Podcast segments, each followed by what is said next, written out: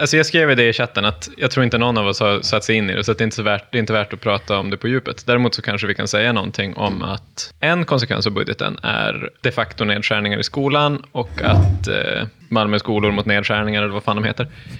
Eh, Shout ho- hoppas, hoppas vi har med de här. Våra vänner som jag och Karin har gjort podd tillsammans med, de gjorde ett mail och trick eh, om sina planer på att eh, protestera mot det här. Så det är ju samma budget som förra året, fast lite bättre. Vill, Alltså man mäter hur mycket nedskärningar det är. Ja. Så är det väl lite mindre nästa år än vad det var jag, vill, året. jag vill bara historisera det resonemanget lite. Mm. Alltså på så sätt att man inte kan säga så, dessvärre. Alltså att det är konstigt att säga 2023 års budget. Det är samma som året innan, fast lite bättre. Eftersom att det, det finns bara en 2023 års budget. Det går inte, det går inte att vara så... Märk, märker du ord nu? Nej, men så- hänger nej, men så-. Att man skär ner lite mindre i år. Ja. Alltså när man säger det är som förra året fast lite bättre så låter det som att man täcker upp för nedskärningen förra året. Ah, Plus du tänker lite till. så. Jag tror Ja. att det är det här som... Det är det här, det är också liksom, Men, jag eh, tror att jag hänger med, men det är ju det här, hur översätter man Ja, sina egna tankar om budget specifikt ja det är väldigt till sant. ett budskap som går att förstå. Long, long gone are the days of ye old budgetbonanza. Ja, Från en tid då vi inte förstod budget. Nej. Nu när vi förstår det så är vi mycket mindre intresserade av att prata om det. För att nu när vi Så förstår det så det förstår vi det så mycket mindre. Ja, ja. ja lite så är det. när man väl börjar gräva. Ja. Det är, man aldrig, det är Sokrates. Du lyssnar på Radio åt alla, en podcastkanal producerad av förbundet Allt åt alla. Dirty old town. Dirty old town.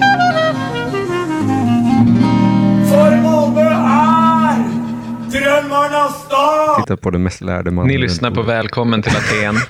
Jag sitter här med David, Hallå? Karin Hej. och Kalle. Hej! Och jag heter Måns. Idag är eh, alla höjdare i Malmö. Tobias Billström är här. Oj! Jaha. Ja, just det, för det är någon manifestation. Magnus Olsson är här som vanligt. Ja. Helena Nanne är inte här, för hon är på Moderaternas eh, Partistämma. partistämma i Umeå. Hon har ju blivit eh, tillsatt i partistyrelsen. Ja. Precis. Mm. Och jag får hoppas att hon sätter sin prägel där på en gång, så att alla jobbar lite mer Mm. och har lite mindre kul. Nu, nu har alla, alla som har trackat ner på Moderaterna i Malmö i alla år eh, skäms nu. Alla har varit så. Åh, de skickar, det är den enda, den enda de någonsin skickat som är värd något. Det är Tobias Billström. Den enda som någonsin blivit något. Men- inte sant längre. Nej, vi har en 31-årig personalvetare från eh, Södra promenaden. Ja, Hon kommer kanske komma ihåg sitt pass när hon åker till Ungern. ja exakt. Det är ingen som någonsin är så Tobias Billström, han är så jävla malmöit. In, ingen Men han är, väl, Nej, det- han, är väl en, han är väl med en lundensare? Alltså han kommer ju från Lund. Jaha. Ja, okej. Men det är, många, det är många som är från Lund Men som var, är malmöiter. var han eh, kommunpolitiker i Malmö? Ja. Det var han. Ja. Under Ilmars år. En annan sån, det är ju Märta Stenevi. Hon är inte heller från Malmö, men hon är ju en mer klassisk Malmö-person. Hon känns som Malmö. Alltså. Hon, ja, Ja. En sån riktig, vad heter det, kläderna på indiska malmöit. Vad, Ja. het, vad heter det maoistiska klädbolaget? Mahjong. Mahjong. Mahjong, Ja. det var det precis. ja. Jag tänker att hon har mycket mahjong. Hon är en mahjong malmöit liksom. Eh, Är det bara för att Är hon är kläder? miljöpartist? det är, jag tror inte mahjong finns längre, men, men det var kläder. Ja. när det fanns. Men hon är ju också en klassisk strulig Malmötjej. På så sätt att hon, när hon, när hon blir inbjuden till en fest eller misshandlat någon på presskonf- högstadiet. när hon blir inbjuden till en fest slash presskonferens så är hon så, nej kommer Daniel Heldén vara där? Nej, då skiter jag i det. jag stannar hemma. ja. Så verkar ju dock inte ha varit. Gud vad synd, vad synd det är att vi, inte, att vi inte har en fot in i Miljöpartiet. Man blir ju väldigt Ja, nyfiken. det, är sjukt. Det, är, det är det partiet vi har sämst eh, reach in i tror jag. Ja, är det, är det ett tecken på hur politiskt marginaliserat Miljöpartiet är alltså, i, riks, i rikspolitiken? Att vi, Den alltså, största aktören. nej absolut inte. Spindeln i nätet. absolut inte en stor aktör, absolut inte en spindel i nätet. Men som är så här, uppenbart diffust vänster, har jättesvaga kopplingar till allting. Ja. Men att vi ändå känner att vi har någon slags kopplingar till nästan alla andra. Ja, exakt. Ja. Förutom dem. Ja, exakt. Vilket är exakt. konstigt, för det borde vara tvärtom nästan. Det, det kan jag tycka också. Men det är som att, det är klart, de har ju någon slags makt, maktställning i den här staden, men det är ändå som att de är den här osynliga bara skuggan på något vis. Ja, exakt. De, är inte, de är inte roliga att prata illa om. Nej. De är inte roliga att prata gott om. Nej. De är inte heller... De, man vill liksom inte vara kompis med dem. Exakt så. Jag vet inte. Och det är så den struliga Malmötjejen Märta Stenevi också känner antar jag. Ja. Men ska vi prata om det på riktigt? Vi, vi, vi kan bränna igenom det jättesnabbt. Det kan vi absolut göra. Det är Märta Stenevi, språkrör, före detta Malmö toppdog Miljöpartiet. Mi- Miljöpartiet ska ju tillsätta ett nytt språkrör. Då, då eh, när de skulle ha en presskonferens om det här, så enligt Märta Stenevi så uppstod det en familjesituation i hennes liv som tvingade henne att ta tåget ner till Malmö. Men enligt en läcka till någon tidning, DN tror jag det var, så, så handlade det om att hon bara vägrade ställa upp på en presskonferens där valberedningen skulle presentera att det nya förslag, deras förslag till nytt språkrör var Daniel Heldén. Och Daniel Heldén är miljöpartist i Stockholm och är liksom Miljöpartiets höger-höger-falang. Liksom. Den, den falangen som eh, menar att man inte måste placera sig hög, till eh, höger eller vänster för att göra miljöpolitik. Exakt. Och han var med och bildade det här gemensamma styret i Stockholms stad och var liksom enskilt ansvarig för att höja priset på kollektivtrafiksbiljetter och sådana saker. Eh, så, så han är ju allmänt hatad i Stockholm också. Jätte, jättemånga människor som stödröstar på Miljöpartiet kommer troligen inte göra det om det är Daniel Heldén liksom, eh, i, vid rodret. Och, känns som ett märkligt val då. Ja, men det är ju också Ja. Stockholm som, om jag får gissa hu- hur Miljöpartiet funkar. Jag har ingen som helst insyn. Gissa För att som på. sagt, om jag får gissa så är det en ganska Stockholmscentrerad organisation baserat på en, min vibe. Och eh, en Stockholmscentrerad organisation kommer ju såklart förorda en stockholmare. Eh, Men det, det verkar också som att det finns lite den, gud vad konstigt att det här blev ett avsnitt om Miljöpartiet Mm, det på riksplanet. Men Härligt. ni är ju parlamentariker, MP hoppade av racet för att bli, för att bli språkrör nyligen. Just det. Med argumentet att eh, Miljöpartiet har liksom utdefinierat sig själva Mm. eh, genom att försöka bli ett typ social justice-parti Mm. eh, som, som eh, ska positionera sig på liksom mitt-vänstersidan. Mm. Så att han verkar ju företräda samma tendens. Jag kan föreställa mig att den här tendensen vinner mark i ett parti som just nu går ganska kast, där, där eh, den här tendensens lösning är att man efter nästa val ska kunna söka samarbeten till höger. Att eh, de, de, eh, det finns nog många i partiet som upplever att de har målat in, målat in sig i ett hörn Ja. eh, och istället vill bli som ja, men i vissa andra länder, där de har kunnat styra lite, åt lite alla möjliga håll. Ja. Men det, det enda man kan utläsa av det är ju att det är någonting konstigt som händer i Miljöpartiet. Alltså oavsett vem som har rätt. Den här läckan till, till DN eller vilka det nu var, eller Märta Stenevi, så spelar ingen roll. För att bevisligen är det något shifty som händer. Så jag, jag gissar ju att det är så att Märta Stenevi kanske faktiskt tycker illa om Daniel Heldén. Det känns lite in character och kanske faktiskt inte vill att han ska bli språkrör. Och kanske faktiskt kommer propsa för att välja någon annan eh, när det väl är partistämma. Eh, Ja, att- men det har hon väl också signalerat. Så kan det vara. Att de ska göra det. Jag tror faktiskt det. Så att det låter inte alls otroligt. Och, och att någon, någon i Stockholm, någon Daniel Heldén-vän, liksom, eh, var så, tolkade hennes SJ-resa som mycket mer än det var. Och då ringde tidningarna. Och på så sätt skapade ett helvete. Det känns ju för ett parti som går dåligt så är ju kanske den värsta situationen att ha två spra- språkrör som avskyr varandra. Som, där, alltså där tanken med två språkrör är att de ska ju dela den här partiledarrollen. och komplettera varandra. Liksom. Ja, men eh, om de avskyr varandra så kan det ju snarare bli att de bara tar lite olika beslut. exakt. Säger olika saker. Det kan ju... Men jag föreslår att man går ifrån det här med att det ska vara en sån konsensusgrej, utan att man bara låter det bli ett så stökigt Malmögäng. Att, Ja, man, ja. att man väljer typ Timbuktu. Han hade jag kunnat tänka mig, hade ju kunnat ställa upp. Ja, det, det, Partiprogrammet, en f- high five och en falafel. det, kan ju, det kan ju vara det hon var på väg till Malmö för att göra. De skulle hoppa, Samla ihop sina kompisar. samla ihop Timbuktu för att sen ta den långa marschen mot Stockholm. Den långa marschen genom institutionerna för Malmö. Jag tänkte mer Mussolini, fast på Miljöpartiets sida. Caesar. Korsa Rubicon, alltså da, nej, Dalälven. Korsar lite, lite alla Mass- möjliga, alla möjliga älvar. halländska kanal. låtsasälvar. Korsa Göta kanal. Ja. Tidningen, tär, tärningen är kastad över Göta kanal. Mär- Märta Stenevi och Timbuktu promenerar genom Laganland, Stannar i Gränna, köper karameller. jagas av älgar. Jättemånga tärningar. Ja. Fan vad Det är länge så de får många promenera. åar. Ja. Ja, de, de hade en hel påse full med tärningar när de börjar. Ser ut som ett sånt Dungeons and Dragons gäng när de börjar. Ja. Men alltså, är det, inte, är det inte något lite lustigt med att det, det känns som att eh, alla partier, när de har så här inre bråk mellan en vänster och en högerfalang, eh, de splittras mellan Malmö och Stockholm. För att i Malmö sitter alla vänsterfalangerna. Så kan det vara. Det är så här, Folkpartiets Jag Mm. insisterar på att kalla dem Folkpartiet. S- Vänsterfalang, uppenbart Malmöbaserad. Mm. Miljöpartiets vänsterfalang, uppenbart Malmöbaserad. Centerpartiets är väl Centerpartiets vänsterfalang, som också är Malmöfalangen, den är kanske egentligen inte en vänsterfalang, utan det är kanske mer bara en sån eh, progressiv Jo, nyliberalismfalang. alltså, liksom. det gäller ju ganska mycket för Miljöpartiet också, ärligt talat. Ja, och, och- ännu mer för Liberalerna. Och att det högerfalangen i Centerpartiet då är mer en sån bondefalang, eller en sån landsbygdsfalang. Kanske. Mm. Ja, absolut. Vänsterpartiet i Malmö är alltid betraktas som de lite mer radikala. Ja. Jag satt och lyssnade på eh, Vad händer Gbg? Världens bästa podd om Göteborg. Eh, innan vi började spela in. Och så var jag så avundsjuk på dem för att de har så, de har så mycket roligare politiska konflikter i kommunen. Som också är på riktigt. Ja, fast det- alla är inte på riktigt. Nej. Utan rätt många av dem handlar ju också om att de har moderater och sverigedemokrater som är helt Ja. bindgalna. Ja. Eh, på ett sätt som vi inte riktigt har. Grejen är väl att i, i Malmö så är det liksom att alla är bara sossarna light. Ja. Vilket också innebär att de blir sina sossiga falanger i sina exakt. respektive Ja, partier. Exakt, exakt. Ja, det är enpartistaden Malmö. Ja, precis. Du har, du har läst en, du har läst en eh, härlig rapport från Timbro.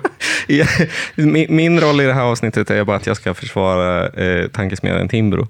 Eh, och då, tanken var att jag skulle prata om en debattartikel som kommit upp i Sydsvenskan, men också eh, en, en rapport som författades inom Timbro 2010 som heter Enpartistaden Malmö. Eh, men jag tror jag sparar det till när vi eventuellt kör livepodd, när det, det blir. Det låter, det låter som en bra idé. Ja, för det, det är liksom en så historielös grej. Alltså att det kommer alltid vara aktuellt. För ja. enparti, det är det som är grejen med enpartistaden Malmö. Ja, den är evig. Den, den är evig. Tusenårs- men, men så jag tänkte att vi, vi istället kan börja med att prata om allmännyttan i Malmö, MKB. Ja. Det kan vi absolut göra. Och jag tittar på Karin, för jag tror att Karin har en bättre ingång till det. Ja, men Sydsvenskan, de har gjort en granskning. De har tittat på hur Malmö stad flyttar pengar. Kanske framförallt från, men också till det kommunala bostadsbolaget MKB. Rubriken är så här, MKBs hyresgäster betalar för Stadsteatern och Malmö Live. Och så redogör man så här, man har tittat liksom på siffrorna och så, och så eh, redogör man för lite olika sätt då, som kommunen tar pengar från det kommunala bostadsbolaget och slår ihop det och så skriver man så här att på total, totalen då så handlar det om 1,7 miljarder kronor de senaste åtta åren. Och det skiftar ju ganska mycket från år till år, men det är så här mellan 150 och 300 miljoner kronor varje år. Och då räknar man in lite olika typer av överföringar. Så. Och det som man mest, som kanske oftast hör talas om, det är ju det här som man kan kalla vinstuttag. Som, som dels med, i de här beloppen som, som Sydsvenskan räknar ihop, då, så är en väldigt, väldigt liten del relativt i, i den totalsumman. Då. Det är det här som, man, som är liksom ett helt rent vinstuttag, liksom ovillkorat. Så. Och det är ju som en ränta då på så här kapital som kommunen sätter in. Alltså när kommunen gör investeringar i MKB så har de rätt att ta ut några procentenheter av den liksom, i ett rent vinstuttag. Och sen är det också, finns det ju ett betydligt större vinstuttag som kommunen kan ta ut om det är så att man använder de pengarna till så här bostadssociala åtgärder, vad man brukar kalla det. Och anledningen till varför det särställs är för att man tänker att det är på något sätt en del av MKBs uppdrag ändå. Ja, Alltså, Exakt. Att, att göra ett vinstuttag i det syftet blir inte bara att man gör ett vinstuttag för att täcka upp kommunens kostnader, utan Mm. det blir, blir också att man täcker upp en del av MKBs uppdrag. Ja, precis. För, det, för det kommunala bostadsbolaget går ju in liksom som ett verktyg då i kommunens bostadsförsörjningsansvar som kommunen Exakt. har. Liksom. Och där ska man använda de här pengarna till att främja integration och social sammanhållning och sådär. Bostadsbehov för personer som kommunen har särskilt ansvar för. Så mycket av de här pengarna går ju till åtgärder för att eh, hjälpa hemlösa personer. Ja. Och där finns det väl ingen direkt övre gr- gräns tror jag. Men för det här rena vinstuttaget, den här räntan då på kapital som kommunen tar ut, det fin- där är det ju bestämt i lagen hur, mycket, hur stor den räntan får vara. Sådär. Och det är som sagt en väldigt liten del av de här pengarna som Sydsvenskan skriver om. Den största delen av de här pengarna som Sydsvenskan skriver om, och det som står i fokus för den här granskningen, det är inte de här vinstuttagen, utan det är någonting som kallas koncernbidrag. Och det är någonting man kan hålla på med om man har bolag samlade i en koncern, vilket kommunen har. De har massa bolag, MKB är ett av dem. Då kan man flytta pengar från de bolag i kommunen som går med vinst, det vill säga MKB i det här fallet, till bolag i kommunen som går med förlust. Det vill säga Malmö stadsteater och Malmö Live i det här fallet. Är inte Malmö Opera också? Det är väl regionen? Ja, så är det. Ja, och det är därför det har varit en diskussion. Ska det verkligen heta Malmö Opera? Ja. Mm. Och inte Skånes opera. Regionen jobbar ju på samma sätt. Japp, japp. Med koncernbidrag. Yes, bra. Mm. Så det är det här som man, skulle jag säga, man fokuserar på i den här granskningen. För det är det pratar man inte så ofta om, Nej. de här koncernbidragen. Och det gäller också vissa regler. Så här. Om man ska flytta pengar i ett koncernbidrag då från, från MKB till exempel Stadsteatern, då behöver ägaren, kommunen, lägga tillbaka pengar igen. Eh, så ersätta det kan man säga då, med minst 80 procent av det man tar ut. Och det man lägger in Det betraktas då som ett lån. Så. På de pengarna så kan Malmö stad ta ut den här räntan då, som vi pratade om innan. Ja. För det är liksom kapital som kommunen har satt in. Det som egentligen, tråkigt nog, som jag tyckte var mest intressant med den här granskningen, det är att den fick väldigt mycket kritik Ja. från eh, de politiska leden. Ja, framför, alltså också så generell kritik. Över hela det politiska spektrat så har den här artikeln, eller artikelserien, har liksom förnekats. Den har förlöjligats. Eh, Det var, det var, Bortsett från Magnus Olsson. Magnus Olsson den. Ja, alltså det är Ja, lite också- spännande. för jag- kan en, en sverigedemokrat i KF eh, var ju väldigt, väldigt mån. Och han hade någon fråga till Katrin om liksom, en så allmännyttans liksom, vinstuttag ur allmännyttan och sådana saker. Liksom.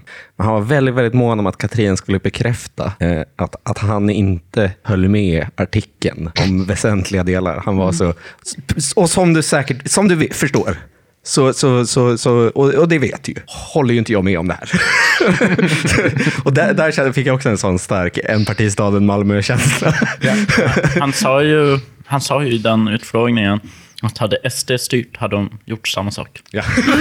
Ja, därför är det intressant att Magnus Olsson har varit ganska tydlig med att han tycker att det är förkastligt att Malmö stad plockar ut pengar från MKB. Men jag tolkar, nu har inte jag läst det han Mm. har skrivit specifikt, men eh, det kan ju också vara att han bara hatar kultur. Ja. Jo, det är alltså det så är det, är det som är hans Ja, ja, vinkel. ja. Att, att vi ska inte hålla på och ge pengar till, Överhuvudtaget till. till någon som spelar piano. Och Det var, det var ju så jag tolkade den här SD-aren i KF. Ja. Alltså att Mm. Han var ju helt fine med att man plockar ut pengar på det här sättet. Mm. Bara man inte gör det till kultur. Ja. Den här, stämning, den här goa stämningen i KF då, Ja. där alla höll med varandra om att Sydsvenskan hade fel. Ja. Den föranleddes ju av att eh, Katrin, faktiskt, alltså Stjernfeldt Jammeh, kommunstyrelsens ordförande, den Katrin, gick ut på sin Facebook-sida och alltså offentligt skrev ett inlägg där hon var, riktade en skarp kritik mot den här Sydsvenskans granskning eh, och menade då att den eh, inte bara var missvisande utan direkt felaktig Ja. och förklarade då vad hennes invändningar var. Det, det som är hennes invändning är ju att artikeln i sin helhet driver ju ganska starkt en tes då att det är MKBs hyresgäster som bekostar de här kulturbolagen. De, alltså Katrin får ju också uttala sig i artikeln så Ja. och förklara då hur det här går till och hur det funkar. Men det är fortfarande så att hela inramningen på artikeln är ju MKBs hyresgäster eh, betalar för Malmö Live. Eh, över en miljard kronor så mycket har hyres, MKBs hyresgäster betalat för att Stadsteatern och Malmö Live ska gå runt. Och så Katrins eh, invändning här är ju just det här med att när man tar ut de här koncernbidragen, att man måste återställa kapitalet i bolaget, att man sätter Ja. in pengar igen. Så det är liksom det som är hela så. Och eh, absolut, det är ju, det känns ju som att man kanske lite, jag, jag får ändå hålla med Katrin lite grann. Ja. Man kanske, känns som man tog sig lite vatten över huvudet. Ja. Typ när man skulle göra den här granskningen. Det Ja. kanske var liksom lite mer avancerat än vad man hade Ja. eh, trott. För att om man säger så här, ja men det är en miljard kronor har gått från MKBs hyresgäster till eh, Malmö Live. Ja. Och så är det liksom inte sant. För att de här siffrorna man presenterar, det är ju inte, alltså det är visserligen så att MKB förlorar uppenbarligen på upplägget, för pengarna som man får tillbaka, de är ju dels då belagda med en ränta, och det är den här räntan som blir den här rena vinstuttaget från kommunen. Och sen är det också så att man får inte tillbaka hela kakan, Nej. utan man får tillbaka 80 procent. Ja. Eh, Så där försvinner ju en del pengar. Men det är liksom inte de beloppen som man eh, visar upp då, eh, Nej. stort och brett i den här artikeln, utan det är liksom de här totalbeloppen och så stämmer ju inte det. Så Ja. Så Jag förstår 1-0 det. till Katrin. Ja, men lite så. Vad, vad hette Ja. journalisten? Det vet jag inte. Ja, men precis. Så att, så att, så att Katrins invändning är ju basically så här, MKB förlorar inte de här pengarna som ni påstår att de förlorar. De här Mm. Nej. pengarna försvinner inte från MKB. Nej. Så, vilket är liksom, eh, i sak en korrekt invändning, tänker jag, mot Mm. Ja. inramningen av den här artikeln. En del av den här granskningen, då, eller inramningen av det här caset, är ju också så här, frågan om vad MKB hade kunnat göra med pengarna om man inte hade tagit ut dem från bolaget. Och där är det också lite så här slängigt. Pengarna hade kunnat användas till att bygga nya bostäder. Men istället pumpar man in över 100 miljoner kronor av hyresgästernas pengar till Malmö Live varje år. Så. Och sen så pratar de med lite olika människor och så eh, styret, då, bland, eller som politikerna får ju svara på den här kritiken också. De är ju så här, nej men alltså den här, vi har liksom inte ett sånt krav på vinst på MKB som påverkar vare sig den generella årliga hyreshöjningen, vi har inget krav på vinst som påverkar mängden underhåll som MKB gör i sina fastigheter. Vi har inget krav på vinst som liksom påverkar hur mycket nybyggnation MKB kan göra. Just det här att, det inte, det på, alltså att man tar ut pengar från MKB, att det inte direkt påverkar eh, till exempel då den årliga generella hyreshöjningen. Nej. Det är liksom alla överens om, även Hyresgästföreningen som också får uttala sig. eh, och sen även det här med nybyggnation blir ju också så, nej men det är liksom inte, att, M- att det finns pengar i MKB är liksom bara en av ganska många faktorer som påverkar hur mycket det byggs i staden. Ja. Det är liksom svårt att göra den kopplingen. Sen pratar de visserligen med en, en, en eh, lektor i fastighetsvetenskap på Malmö universitet som menar på att så här, jo, men det är klart, hade man haft kvar de här pengarna, då hade man kunnat investera i underhåll mer än vad man gör. Liksom. Och, eh, han pratar också om att man hade kunnat använda det för att begränsa hyreshöjningar när man gör renovering. Och sånt. Vilket jag inte riktigt Det hänger med på lite- exakt hur det skulle fungera. Men jag tänker att han... Han har säkert fog. Men Han det, har kän- det säkert känns som en komplex fråga. Ja, en mer komplex precis. än det, det låter. En, en, väldigt, en väldigt komplex fråga. Mm. Jag tänker att det, den, stora frågan är ju egentligen, egentligen inte så här om, om sakförhållandena, utan frågan är ju, är det här eh, moraliskt och politiskt försvarbart? Ja, för det- och, och moraliskt och politiskt försvarbart, det beror ju lite på vad de faktiska konsekvenserna är. Ja. Alltså, hade, det varit så att, hade det varit så att MKB var en slumvärld, och, som Malmö stad bara helt uppenbart parasiterade på, Ja. Alltså, så här, vi tar ut 10 000 kronor i månaden för en etta. 80 procent av alla pengar som går in i MKB går sen direkt vidare till typ restaurangen i toppen av Malmö Live. eh, då hade man ju, det hade man ju kanske kunnat, kunnat ha åsikter om. Ett toppenupplägg. Ja, precis, precis. Men jag har liksom inte, jag har inte riktigt fått någon indikation på att det fungerar på det sättet. Nej. Alltså, att, att det är fortfarande som en öppen fråga. Det är klart att det finns, ett, det finns ett upplägg som absolut går att missbruka, men om ingen missbrukar det så känns det inte, inte så här fullkomligt aktuellt. Då. Nej. Jag, jag tänker att det finns två politiska poänger i det. Det första är, alltså, mot vinstuttag generellt, eh, att man kanske borde höja skatten istället. Eh, det ja, kanske är ett mm, mer absolut. effektivt sätt att göra det här på. Alltså, och, och det är en ganska enkel liksom, kritik. Och den andra grejen som jag tycker ändå den här artikelserien har fyllt en funktion i, det är ju att den har folkbildat en del kring allbolagen och vilken märklig, märklig, märklig lag det är. Liksom. För det var ju egentligen, egentligen är det i det här räntehöjandet som är Ja. det som är, borde varit nyheten kan jag tycka. Ja. För det är, det är att eh, MKB får inte ta lån, eh, utan MKB måste belåna sig genom Malmö stad. Så Malmö stad belånar sig till väldigt, väldigt goda liksom, räntor eftersom att Malmö stad är en kommun. Kommunen kan typ inte gå i konkurs.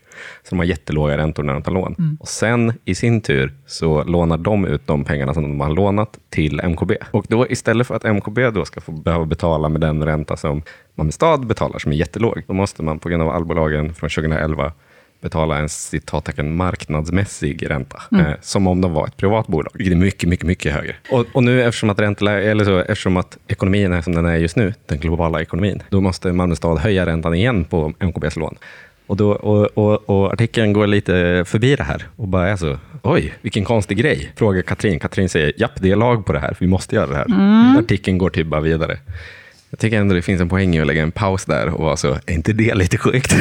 Jo. det är liksom, det är helt idiotiskt. Nu har jag siffrorna här. Ja. Att förra året så betalade Malmö stad, då, när de lånar pengar på finansmarknaden, så betalade de i genomsnitt en ränta som låg på 0,56 procent. Och när Malmö stad sen lånar ut samma pengar till MKB, så gör de det mot en ränta på ungefär 0,97 Okej, procent. Så det är ungefär dubblad kan man säga. Ja, och då hade de räknat ut då att Malmö stad då tjänade 46 miljoner förra året då, genom den här skillnaden i ränta. Då. Och, och, och poängen med att lägga en emfas där är ju inte att det här är dåligt för liksom, MKB, utan poängen är ju att det här är dåligt för Malmö. alltså det för att det, det som, något som hade kunnat hjälpa jättemycket eh, i att bedriva en aktiv bostadspolitik, det är att ha en allmännytta som inte måste skötas på marknadsmässiga principer, utan som kan vara till för Malmöborna istället. Ja, precis, där det inte ska finnas en massa, en massa system som, som försöker att skapa marknadsmässig, Ja, en marknadsmässig ren situation där den liksom. Inte finns. Ja, Det är rent skådespel. Liksom. Nej, eller, eller det är inte skådespel, för det är på riktigt, men det är liksom simulerade förhållanden. Liksom. Ja, Det, precis. det är också roligt i relation till alltid, för alltid när man diskuterar att man måste bygga fler bostäder så blir ju ofta, så kommer det ofta till att handla om att man måste bygga billiga bostäder. Alltså Ja. kombinationen av fler och billiga. Då så lägger man sånt enormt mycket jobb på att försöka hitta sätt eh, att få ner kostnaderna. Och sen så har vi den här mekanismen som uppenbarligen fördyrar. Men det är väl också, nu, nu, vill- nu vill jag bara kasta in, kasta in ännu mer så här. Go det, off, King. Det, det märkliga med hur kommunal ekonomi fungerar, alltså enligt i kommunallagen också. Kommuner är ju väldigt starkt begränsade när det kommer till att själva bedriva, eh, ha vinstdrivande verksamhet. Och det beror ju också delvis på att kommuner inte, inte ska få konkurrera på marknaden på samma sätt som privata företag gör, för att man menar att det är otillbörligt. Mitt Eh. bästa exempel på när det här har varit en skandal var fiket på Aquakul. Att, Mm. att det var, Moderaterna var jävligt arga på att Malmö stad ägde ett eget fik i- på Aquakul. Ja, men precis. Men, och då, då, har Ni man ju, konkurrerar ju ut andra fik. men men då har man ju bolagsbildningar som ett sätt att få göra det i alla fall. Ja. Då, då kommer de här högre räntesatserna in såklart i nästa led. Det, det blir liksom ett, ett sätt att eh, kanalisera in den här vinsten i kommunen oavsett. Ja. För att det är det man som måste göra. Ja. Eftersom systemet är så otroligt märkligt. Hoppas att det inte sitter någon, någon eh, kommunekonom där ute och bara, vad fan pratar han om?" Men, ja. Men jag bara tänker, bara en liten, liten, kanske banal parentes om det här med konstruktionen affärsmässiga principer i allmännyttan. Nej, men att det också blir så konstigt när det faktiskt är så att ja, men en del pengar går ju ändå uppenbarligen då från MKB till, för att liksom stödja de här kulturbolagen som absolut inte går runt av sig själva. Alltså, det är också så. Det är ju inte jätteaffärsmässigt. Nej. Nej. Nej, det är verkligen inte. Eh, så, och, och sen kommer vi in, vi ska prata lite om, eh, Timbro gav sig ju in i den här debatten med en Ja. artikel också i Sydsvenskan som vi ska prata mer om. Men jag tänker också att eh, Timbros chefsekonoms case då, att hade Malmö stad på riktigt haft affärsmässiga principer i sitt ägandeskap av NKB så hade de ju plockat ut betydligt mycket Ja, mer exakt. För det är så riktiga priv- eh, privata bostadsbolag plockar ju väldigt mycket mer. Men jag tänker också att, jag vill också nämna då, en, en fråga som blir aktuell i den här granskningen och som, som görs aktuell uttryckligen då, är ju just så här, mm, ett bemötande av den här kritiken som är liksom återkommande när det gäller vinstuttag generellt då från, från allmännyttan. Att så här, är det eh, försvarbart att eh, dubbelbeskatta, som man brukar kalla det. Liksom. Hyresgästerna i ett, ett kommunalt bostadsbolag betalar för kommunens tjänster både via skattsedeln och via sin hyra. Det här finns ju en väldigt väl etablerad kritik från Vänsterpartiet Framförallt och. Hyresgästföreningen. Hyresgästföreningen, precis. Och det är ju, alltså styret i Malmö, alltså Katrin och, och Katrin och gänget. gänget. De, de, gör, de har ju en ganska tydlig annorlunda inställning såklart. Eller så. Alltså, frågan blir liksom inte lika aktuell, även om det finns liksom, de har andra invändningar mot, mot brister i den här granskningen, så blir det också som att en av de invändningarna är ju just att men det här är liksom inte en fråga därför att MKBs pengar är Malmöbornas pengar. Ja. Och att här, MKB är ett av kommunens verktyg för att kunna utföra sina uppdrag som kommun. Med, med, med Fredrik Kopsch, vet ni vem Fredrik Kopsch är? Det han som cyklade runt i. Stockholm? Exakt, det är det han som klädde ut sig till Foodora-bud och livesände sig själv när han jobbade som Foodora-bud ett tag. Det, är- det är också han som har varit liksom, eh, huvud, liksom, hjärnan bakom liksom, dagisifieringen av allas vår favorit eh, tankesmedja Timbro. eh, att de bara gör så tramsigt, tramsigt barncontent numera och det är väldigt obegripligt varför. Att det är så Bolibompa-draken fast höger. Jag fattar inte riktigt varför. Men, men, men det är också han som, eller han tillsammans med resten av Bolibompa-gänget eh, kom på det här skitbra idén. Lyssna nu, nu oss. Ja. Lyssna nu, nu kommer du få höra en fantastisk idé. Tänk att du är en liberal tankesmedja. Almedalsveckan är på väg. Det du ska göra är att du ska köpa en minibuss. Ja. Du ska måla minibussen som om det är en hippie-van från 60-70-talet i USA. Och så ska du skriva Frihetsbussen på den. Och Sen ska du sätta en, en mobiltelefon längst fram i bussen och så ska du livesända på YouTube och ingen kollar. Och så ska du vara utklädd till hippie på 60-70-talet. Det låter kul. Och ingen, ingen förstår riktigt någonsin vad det är. Men av någon anledning beter de sig hela tiden som att de citattecken äger vänstern. Han gjorde det mycket när han var Stockholms långsammaste cyklist också. Exakt. Ja. Men, men det är han i alla fall. Han har gett sig in i Malmöpolitiken och jag är här för att försvara honom. För, för folk har snackat skit om den här debattartikeln. Han skrev alltså en debattartikel om eh, vinstuttagare i MKB. Han var så, det är väl skitbra, eller vadå? Eh, och, och folk är så, nej, nej, nej, det är dubbelbeskattning. Men jag tycker han fångade en, en poäng som också fångas av sossarna och alla andra som gillar, det, vad heter det, Dubbelbeskattning. dubbelbeskattning. Eh, eh, Varför beskatta en gång när man kan beskatta två? Exakt. Nej, nej, men så. Eh, och det är en poäng som jag, jag eh, känner att jag har velat ta upp flera gånger. Alltså, är det verkligen dubbelbeskattning? Och vad är egentligen rollen för en allmännytta? Liksom? Är rollen för en allmännytta att bara vara till för sina hyresgäster? Liksom? För absolut, MKB hade kunnat samla på sig de här pengarna, bara spara dem på sig. Liksom. Eh, återinvestera dem i husen, så guldplätera eh, eh, tvättstugan eller någonting. Jag vet inte. Byt ut rören med lyxigare rör. Jag vet inte. guldplätera rören. Guldplätera allt liksom. Relina med guld. de de hade kunnat göra alla de grejerna. Liksom. Eh, Men jag tänker, eftersom att jag eh, eh, har en idé om vad en allmännytta är som liksom skiljer sig från liksom, den gängse och den som är liksom, nu rådande, tänker jag att allmännyttan är inte bara till för hyresgästerna. Den är inte bara till för liksom, de som bor i husen. Utan den är till för att vara ett verktyg, ett politiskt verktyg som kommuner, eller vi Malmöbor tillsammans kan bestämma om hur, hur det ska användas för att på olika sätt främja oss som Malmöbor. Liksom. Eh, och det kan exempelvis vara att man lägger, tar ut pengar ur det och lägger på att ta hand om hemlösa. Liksom. Det kan vara så. Det- tycker jag är en ganska eh, onödig grej, för där tycker jag att man lika gärna hade kunnat bara höja skatten. Min poäng är inte att man ska göra vinstuttag. Min poäng är eh, att med ett perspektiv på allmännyttan som liksom ett verktyg för oss, så, så kan vi förstå att eh, det betyder att vi kan skita i att göra vinstuttag och sen kan vi ha en jätteexpansiv och super liksom, eh, offensiv allmännytta istället. Liksom, som, som sparar sina pengar och lägger dem på att liksom, eh, hjälpa den Malmöbo som bor i en superpisslägenhet hos Heimstaden idag att kunna bo i en MKB-lägenhet i framtiden, för det byggs fler hus exempelvis. Man köper upp existerande hus. Och där, där tycker jag ändå Fredrik Kopsch har en jävla poäng. Alltså. Just det här med att, vi, att Malmöbor, att det är vårt bolag, därför har vi rätt att göra vad vi vill med det. Liksom.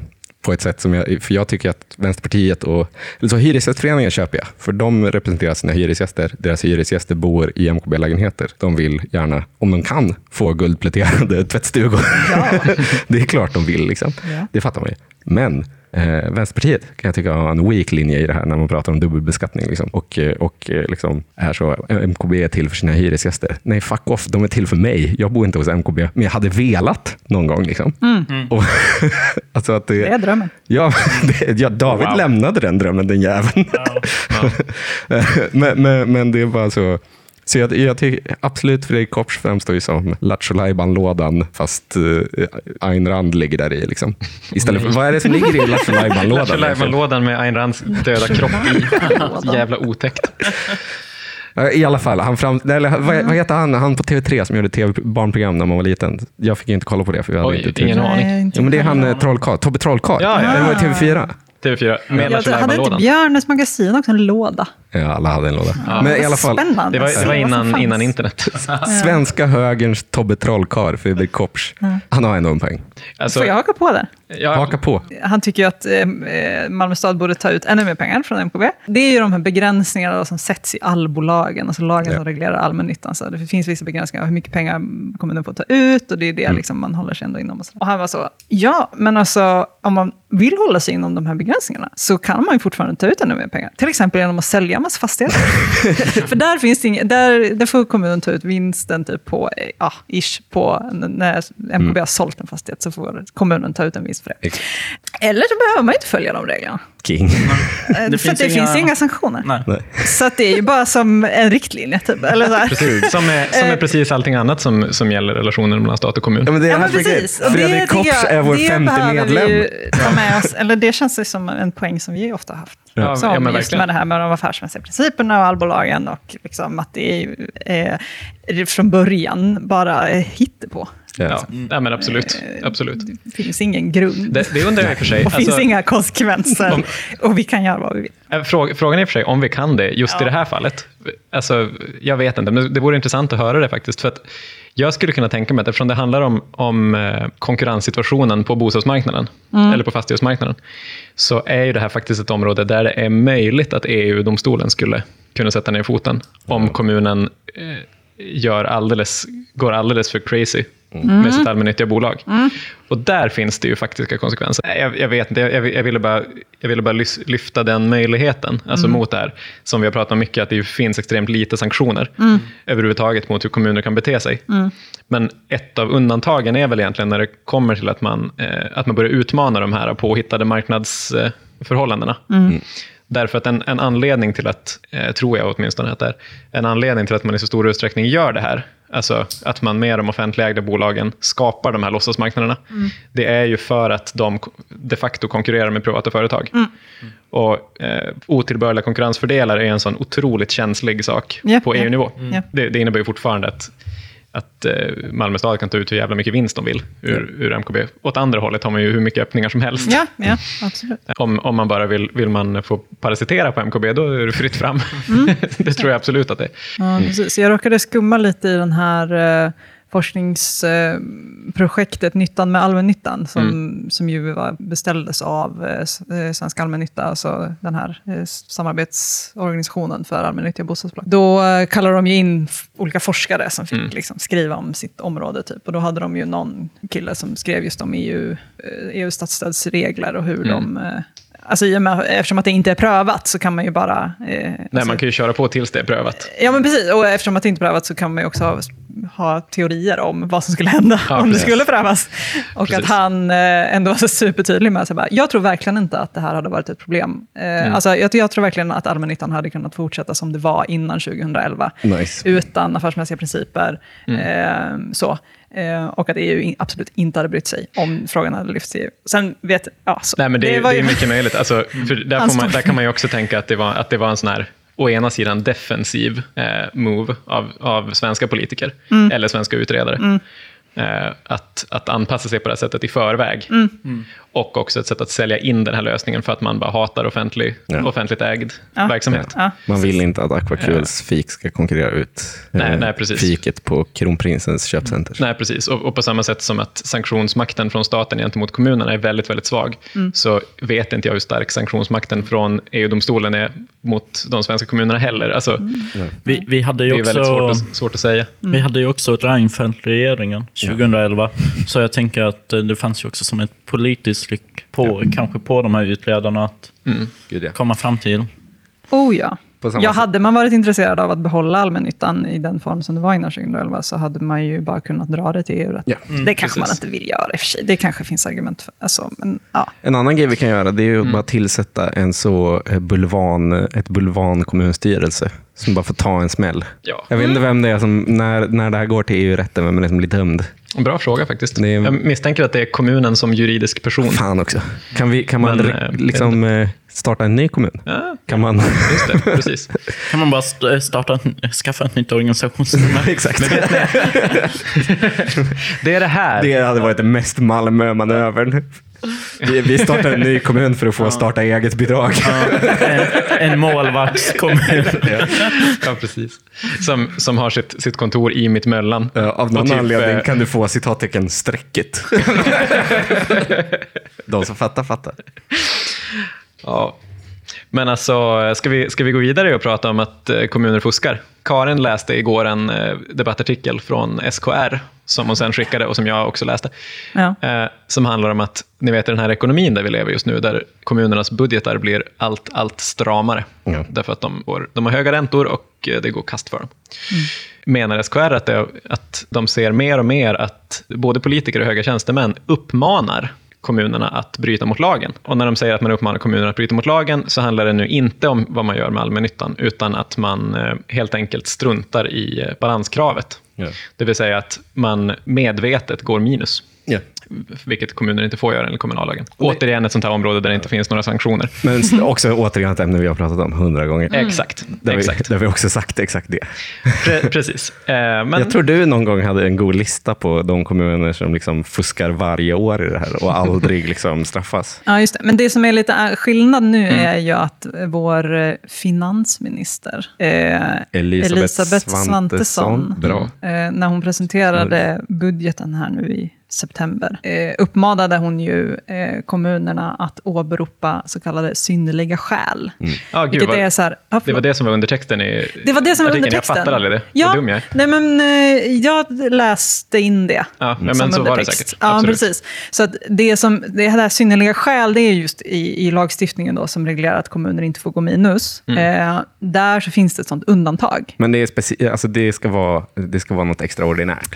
Precis. Det, det kan egentligen inte bara vara så globala ekonomin går Nej, lite det är dåligt det som nu. är poängen tror jag från SKR och det är väl SKRs chefsekonom Ja. som har skrivit om det där med att liksom, eh, höga politiker, folk uppmanar kommunerna att bryta mot lagen, är att hon menar att om man läser liksom förarbetena till den här lagen som reglerar så här att kommuner inte får gå minus, det här med synnerliga skäl och sånt, då, är, då kan man liksom inte säga att inflationen Nej. är ett, alltså så att ekonomin är, lite, är lågkonjunktur är inte ett synnerligt skäl. Ett annat, Nej. en annan Nej, grej som inte är ett synnerligt skäl är ju att regeringen inte skjuter till pengar. Det kan man inte heller uppge. Liksom. Nej, precis. Och nu har, men nu går ju Elisabeth Svantesson då tillsammans med också någon SD-person som jag inte kommer ihåg vad han hette nu. Men, Som bara var med på presskonferensen för att stå bakom det här podiet där det står regeringen gissar jag. Det verkar vara som att de deltar på allt, bara för att få synas med den.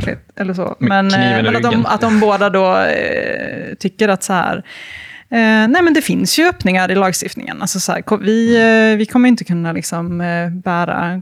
Alltså så. Nej. Vi kan inte hjälpa kommunerna mer än eh, de kan hjälpa sig själva.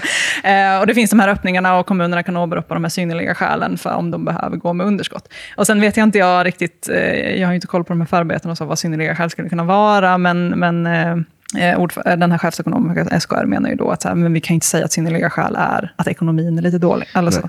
Ja, pre- precis. Det som SKR säger är att i förarbetena finns inte stöd för det här. Jag, har, jag har inte heller koll på, på, på vad som står i, i den här utredningen.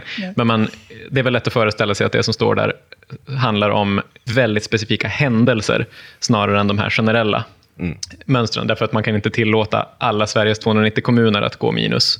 Om man nu tycker att det är viktigt att kommuner inte går minus. Eh, man kan inte tillåta alla att göra det på samma gång och att sätta det i system eftersom Ja, och det där kan man ha åsikter om. SKR har mycket åsikter om det. De menar att det är regeringens fel, eftersom regeringen, inte bara den här, utan flera regeringar i rad har fört över skuldbördan i väldigt stor utsträckning på kommunerna.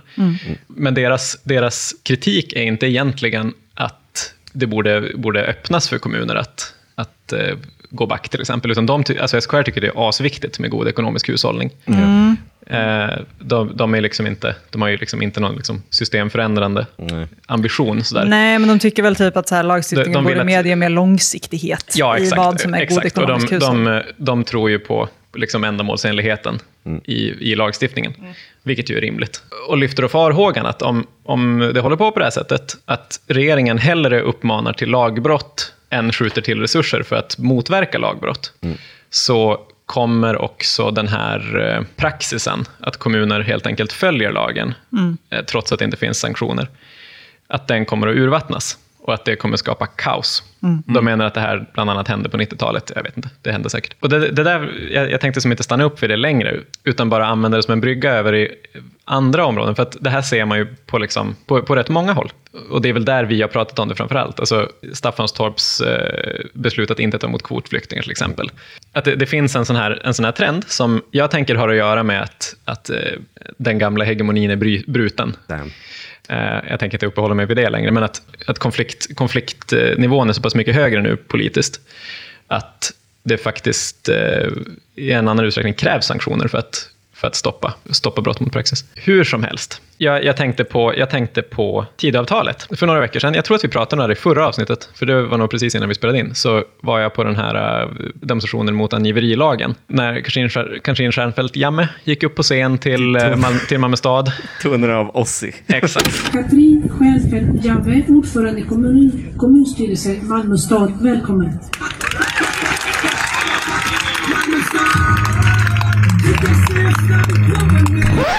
Och det, så och det var jävla fantastiskt. maxat. Och så stod, så stod hon och pratade om hur, hur Malmö ska bli liksom, eh, en plats för motstånd mot den här regeringens fascism och så vidare. Och att, att hela kommunens organisation ställer sig bakom de enskilda tjänstemännen som inte vill hänga ut papperslösa bara för att den papperslösa typ vill ha hjälp på biblioteket. Och det är ju behjärtansvärt. Ja, att bibliotekarier inte måste utrustas med pepparspray för att Det- kunna det är faktiskt- det är någon som behöver skriva toppen. ut en A4. Nej, men exakt. exakt. Men det, det pekar också mot en liksom bredare tendens som Tidöavtalet har, åtminstone på migrationsområdet, där kommunerna får allt större, å ena sidan får allt större ansvar, å andra sidan liksom provoceras till att, till att bryta mot lagen mycket, mycket mer. Därför att konflikten mellan staten och kommunerna blir så mycket starkare. På ett sätt som, som gör att kommunerna å ena sidan kan bli de här välkomnande platserna som väl Malmö vill bli. Å andra sidan blir mycket mer Staffanstorp. Mycket mer Kungsbacka. Det finns några olika exempel på hur det här fungerar. Dels på den rent formella nivån, att, att om allting går som tidavtalet vill så kommer kommunerna i framtiden få vara med och bestämma om hur många kvotflyktingar Sverige ska ta emot. Det handlar också om att e-bolagen kommer att skrotas. Så att kommunerna får mer att säga till om var asylsökande finns, om de kommer finnas hos dem överhuvudtaget. E-bolagen var länge sedan vi pratade om. Det är nästan så att vi måste förklara vad fan det är. Alltså, det... eh, rätt, rätten för asylsökande att bo vart de vill. Så, bra. Den kommer tas, tas bort och istället kommer vi få de här asylfängelserna som det var mycket snack om för några veckor sedan. Just det. Och där kommer ju kommunerna, eftersom de är, de, de de är platserna där de här asylfängelserna kommer byggas, de kommer kunna påverka vart de finns. Men sen är det liksom angiverilagen, som ju liksom är en ren provokation. Ja. Det vet man ju på förhand att här kommer, en del kommuner kommer säga, vi vägrar göra det här därför att hela vår tjänstemannakår är emot det. Ja. Vi kommer inte skapa de arbetsmiljöproblemen som det innebär. Eh, Det, är- alltså, det är så absurt att just tänka, vi tar bibliotekariesituationen, för det är en väldigt bra. Så tänk att du är bibliotekarie, kommer någon och ska skriva ut en A4 och du på något sätt förstår att den är här citattecken illegalt. Att du då ska liksom, så, vad gör du i ditt kund... Det är också så ball att, det- att det kombineras med, med liksom den rådande service-mindednessen. Liksom. det är otroligt att, det- att det är så, hur, hur gör du kundbemötandet i den situationen? Liksom? Nej. Så, jag hjälper dig skriva ut och så lyfter du mobilen. under- Alltså så, vad fan, är det, är jätte, det är liksom moraliskt fel, absolut. Men det är rent praktiskt är det också helt ojämförbart. Ja, verkligen, verkligen. Vid sidan om det så har vi också att socialtjänstlagen kommer sannolikt att ändras, eller de kommer vilja ändra den i alla fall, på ett sätt som gör att den går ifrån den här liksom geografiska modellen som den haft tidigare. Det vill säga att socialtjänsten i alla kommuner är till för personer som uppehåller sig i kommunen. Ja. Eh, Så har det varit nu. Och det har inneburit att till exempel papperslösa har fått mycket mer rätt än vad de skulle haft annars. Ja. Men också hemlösa och folk som bara råkar vara här. Liksom. Det vill man ju riva upp så att, att det bara är personer som kan liksom, kvalificera sig som kommunmedborgare som ska få samma, samma hjälp. Och, så där. och sen såklart också att asylsökande och framförallt nyanlända inte ska få all allt kommunalt stöd från början. Det, pre- precis som angiverilagen så är det här en sån bestämmelse som kommer att, eller jag förutsätter att den kommer bekämpas på kommunal nivå, av exakt samma anledningar som angiveri- angiverilagen egentligen. Att de som sitter hos socialtjänsten ska inte behöva, de vill inte ha den här ökade bördan, de vill också hjälpa folk, många av dem Ja, givetvis. Men, men det är liksom ett, ett praktiskt problem. Och de, de här två sakerna tillsammans, alltså både ett större praktiskt ansvar på kommunerna och en mycket starkare, högre konfliktnivå mellan kommunerna och staten. Det jag ser framför mig är att vi kommer ha en sån utveckling av, å ena sidan välkomnande städer, å andra sidan fientliga städer, där vi kommer att bo i en av de välkomnande. Nice. Vilket förmodligen kommer innebära att Malmö stad kommer att, de kommer säkert marknadsföra sig med det här internationellt. Att fett. vi är som Neapel, vi är som Köpenhamn, vi är som eh, Berlin. Alltså på det sättet. Då Som man man redan också- pratar om mångkultur och grejer. Man får löpa linan ut nu och göra som Neapel gjorde. Att man utnämnde Abdullah Öcalan, ledare av PKK, till hedersmedborgare. Precis. Löp linan ut, Katrin. Ja, exakt. exakt. Eh, å andra sidan kommer vi ha sådana Kungsbacka kommuner som kommer såklart inte, inte marknadsföra sig med att de är fientliga, men som är, på alla möjliga sätt kommer att vara det. De kommer helt enkelt följa lagen till punkt och pricka, kanske mer. Jag, jag, jag tänker att det här är en väldigt, det är en väldigt dubbel utveckling, som är ett dilemma för den som gör vänsterpolitik. För att å ena sidan så innebär ju det här jättestora möjligheter att faktiskt göra skillnad som man inte haft förut. Eh, och att man, kan, att man kan driva en annan politik genom praktiska exempel. Alltså, om staden är bättre än landet den ligger i, så är det lätt att tänka att det kan användas för att förbättra landet också. Ja. Framförallt i takt med att staden blir större och mer och mer populär. Liksom. Men å andra sidan, om staden bara är bättre än landet därför att resten av landet är piss, det är inte som att resten av landet kommer bry sig om det. Resten av landet kommer säga, ah, schysst att ni håller på så här. Ja. Eh, då behöver inte vi hålla på med det. Jag ser framför mig hur, hur Malmö stad gör en exakt likadan reklam som Staffanstorp gjorde, där de gick förbi på Simrishamnsgatan när en barnfamilj fick, fick öl kastad efter sig. Fast istället är det att det här lilla killgänget, att de kanske, de kanske hälsar på den här barnfamiljen. Ja, precis. Och kanske bjuder dem på öl. Nej, men eh, absolut. Och, alltså, tendenser till det där finns ju redan Ja. i, i hur Malmö stad liksom presenterar sig själv. Ja. Och jag, Regnbågsenhörning och så vidare. Ja, ja men ver verkligen. verkligen. Att det, det, det skapar liksom bara starka och, starkare och starkare in- incitament för att vara en god kommun. Ja. Det ger jättestarka möjligheter att vara god. Problemet är bara att man är god i en miljö där allting annat är ont. och, och frågan är vad det ger annat än någon så här varm känsla i magen Ja. i slutändan. Det känns ju å andra sidan, en grej som, om det blir en sån här angiverilag, liksom, och om den liksom innefattar folk i vårdyrken exempelvis, eh, så kan man också få, det kommer ju också vara en jävla konstig backlash liksom, när man har en hel kohort av liksom, vårdanställda som lär sig att inte lyda staten. Alltså, Absolut. Och, alltså, det är jävligt märkligt. Liksom. Det är konstigt att, eh, att göra det mot sig själv. Liksom. Så, ja, vi borde fostra alla vårdarbetare till, att- till att så lära sig trotsa statliga direktiv. det, är liksom, det är en lite farlig grej att göra också. Ja, ja men, och där, där finns det ju en, en liksom självförstärkande dynamik i det där. Alltså om det är så, som jag sa tidigare, att, att det är någon slags liksom kristendens, Ja. att, eh, att praxis bryts. Och att man, man stiftar lagar som på något sätt förutsätter att folk kommer reagera mot praxis. Ja. När folk börjar göra det på stor skala, då öppnar ju det ju bara ännu mer för det här. För det, det, försvagar, ju, det försvagar ju tendensen att följa regler exakt. överhuvudtaget. Att följa regler är inte bra i sig. Liksom. Nej. Absolut inte. Och det finns ju jätte, jätte positiva sidor i att man inte gör det. Men, men det innebär ju också att den här sortens situationer förmodligen bara kommer bli fler och fler. Ja. Eh, och Vi lever i den är- roligaste tiden. Ja, men verkligen. Och det, och det är inte nödvändigtvis bra, inte nödvändigtvis dåligt, men det förändrar ju det, det, den politiska spelplanen avsevärt.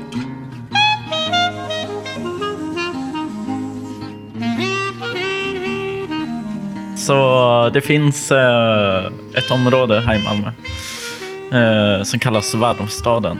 Och det är då det gamla Kockumsområdet där man byggde båtarna. Men, men, det, men det, Ja. varvstaden är också det som har, har liksom egen branding. Det är Ja. sitt eget AB, det har sin egen Ja, branding. det är det om, jag är på väg att... ja, men om, man är, om man någonsin varit på Västra Hamnen de senaste typ två, tre åren så har man liksom sett jättemycket marknadsföring för varvsstaden. Mm. Det är där det- det fortfarande är en jätte, jättestor kran eh, som har lämnats orörd, som de ska göra något med. Den ska väl bara lämnas orörd för Ja, att men då- påminna en om förflutna tider. Hur, hur dåligt det gick när man försökte vara industristad. För Ja. att påminna. Påminna om...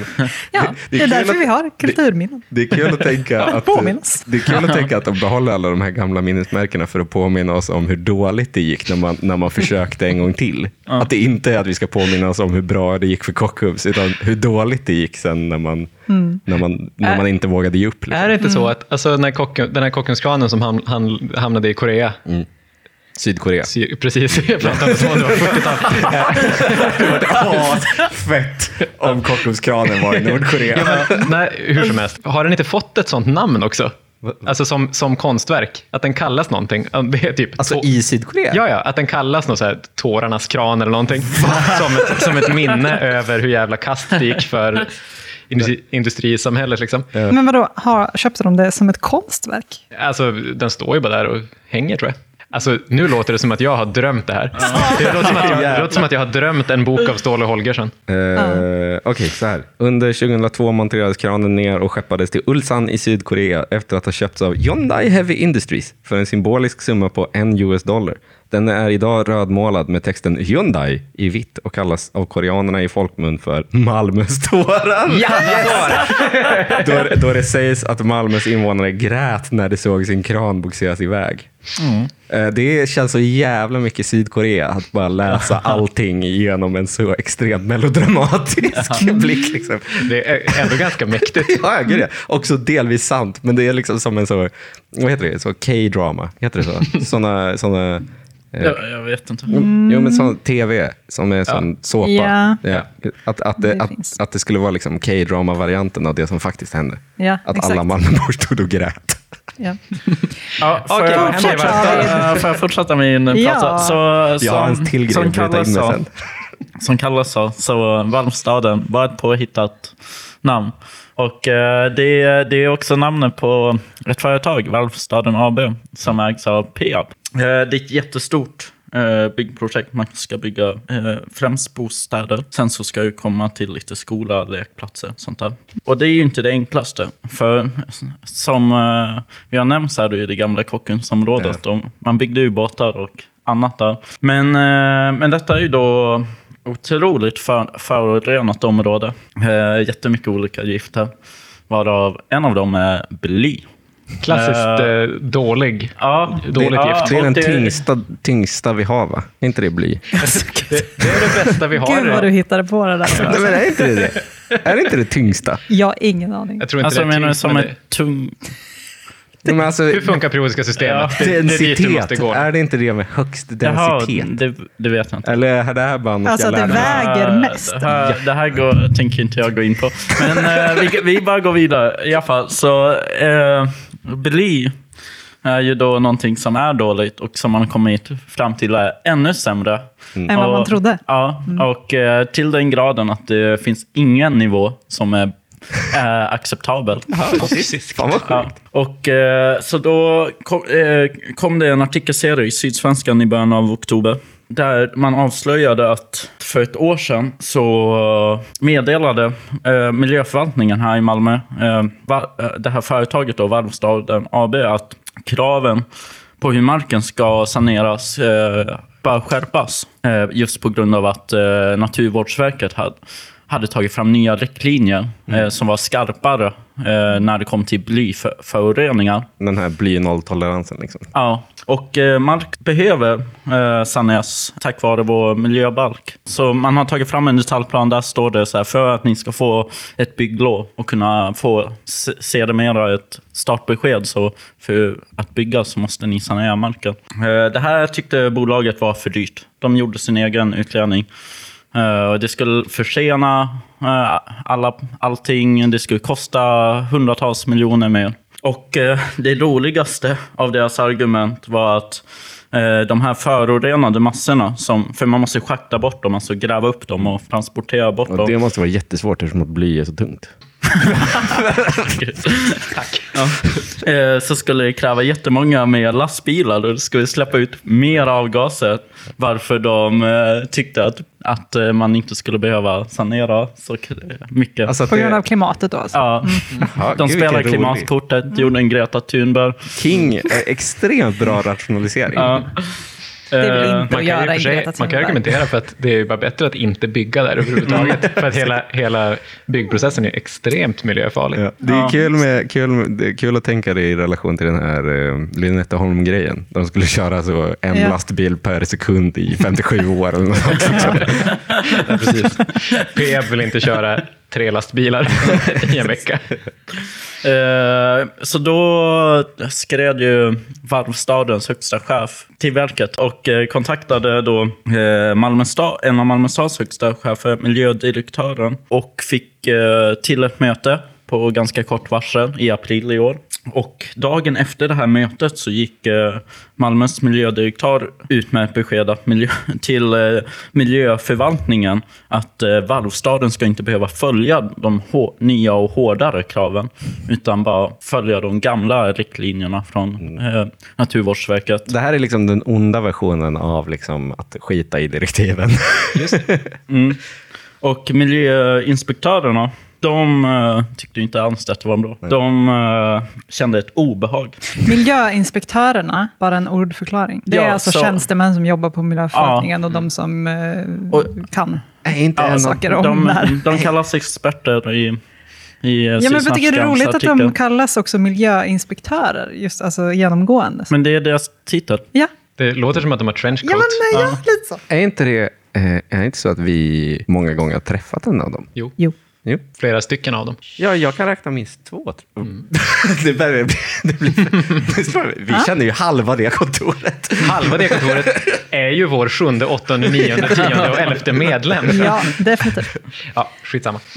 Eh, ja, och de kände ett obehag eftersom eh, just i det här fallet så handlar det om bly och eh, att det, eh, det här kommer bli ett område där det ska byggas bostäder, skolor och lekplatser. Men också för att svensk lag förbjuder kommuner att favorisera företag, eh, skapar gräddfiler. Och här har vi ju ännu en lag där det inte riktigt finns sanktioner. Det här är en sån jävla säck vi jobbar med just nu. Alltså. Ja. En tight produkt är, är för er kära lyssnare.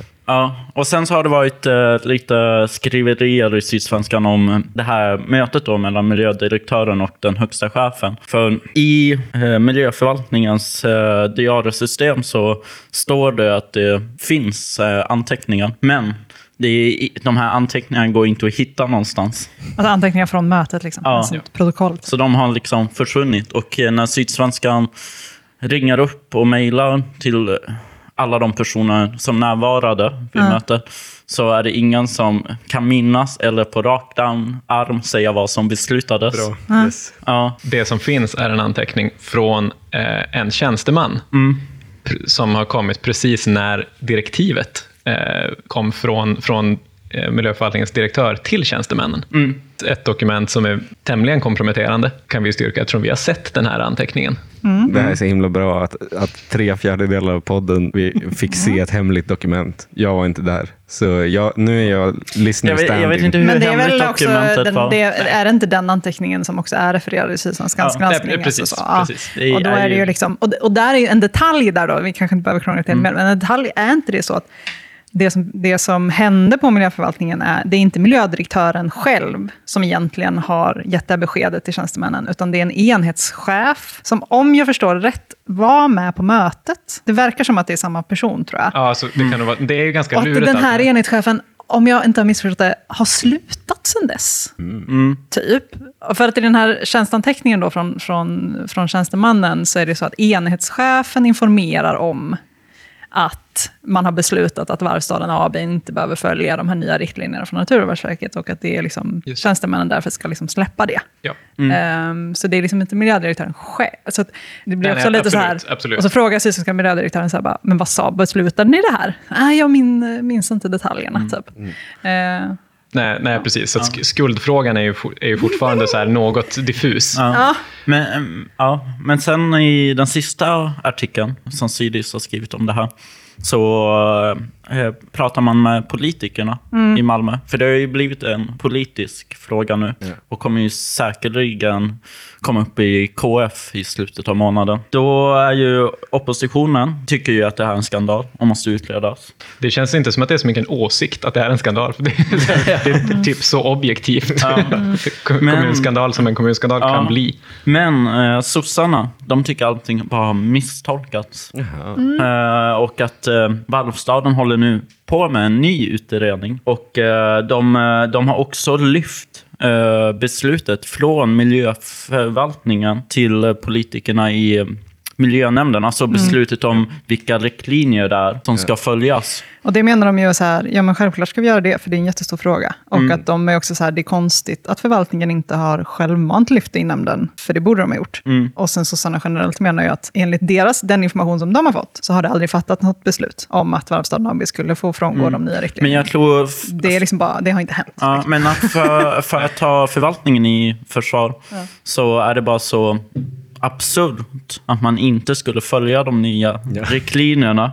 Ja, ja. Alltså att man inte ens är så här, varför ska vi ta ett beslut om det här? Det är ju helt självklart att vi ska följa de nya Ja, att det riktlinjerna. man har sagt nu är att här, ni, Varvstaden AB får längre tid på sig att göra en ny utredning för att utreda det här. Typ. Och så är man så, okej, men va- vad skulle alternativet vara? Eller Ja. varför Nej, då? men det, det, är, ju- det är ju jättekonstigt, för att det pratade vi om precis när det här kom ut också. Att Mm. eh, Sannolikheten att de tar sig igenom Länsstyrelsens granskning, om det blir en sån, den är väl alldeles Ja, fast det är, ju noll. här, det är ju här som... eh, Jag, jag satt och googlade. Ja, okej. By, överklaga bygglov.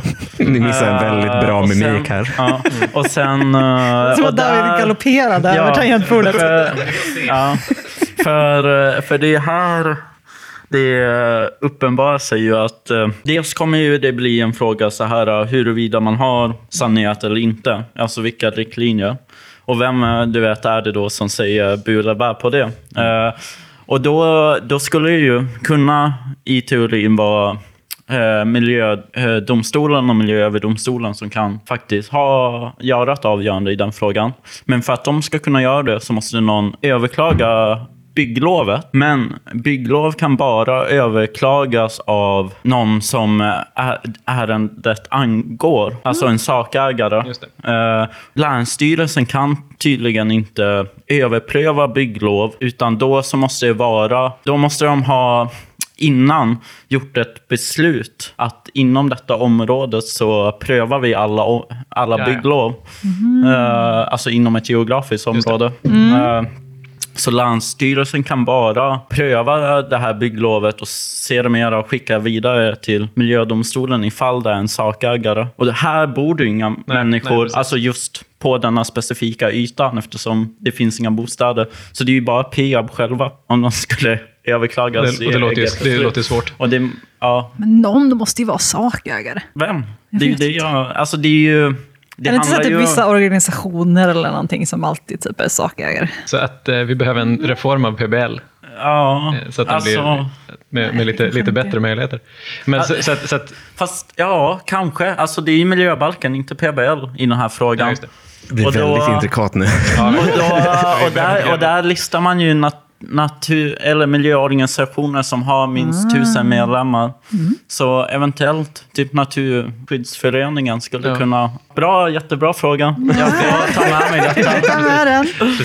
Men poängen är, alltså, eller poängen är egentligen så här, politikerna i miljönämnden skulle kunna besluta att eh, man inte vill följa de nya riktlinjerna för blysanering, men de skulle kunna få fel i Mark och miljödomstolen, Ja, och... Kanske. Ja, om någon lyckas överklaga. och, och på samma sätt så skulle den här eh, antingen miljödirektören eller enhetschefen konstiga informella beslut, le, det, hade, det kan i teorin leda till att, att eh, folk får leva med, med blyförgiftning, liksom, utan att det egentligen finns så mycket att göra åt det. ja alltså för, för frågan Om det inte ju... hade lyfts upp på, på den här nivån, Ja. det, dit det är på väg nu. Ja, alltså det kommer ju hamna, hamna i huruvida det är sanerat eller inte. Eh, nej, precis. Ja, det är ändå det som är frågan. Alltså det, det är ju intressant, det är ju en politisk eh, dimension där det bara känns så helt befängt att man skulle kunna lämna det här eh, området med en sämre sanering. Alltså, det är jättekonstigt. Och, och sen, jag menar, vad, hur, hur kan man ens marknadsföra det nu när the cat is out of the bag? Blystaden AB. wow. Det kommer ju alltid gå, ja verkligen, det kommer ju Är inte alltid gå under deras namnet Blystaden. reklamkampanj är väl så här, varvstaden, och sen är det liksom massa varianter på Ja, det- mhm, det kan vara staden, massa olika stader. kulturstaden. Det är som uh, Hem- Umeå kommuns eh, kommunmotto. Mer. Ja, mhm, bara. Ja, ja. Och Jag, blystaden. jag gillar när någon gick omkring och, och graffade eh, Umeå. Mer porr. det var, var lite överallt i stan. En grej jag tycker är ball med det här är att det är det mest spicy som hänt inom kommunen sen den här eh, kom, kommunala ordningsvakter på Möllan-skandalen som Uppdrag granskning eh, lyfte. Kommer ni ihåg det?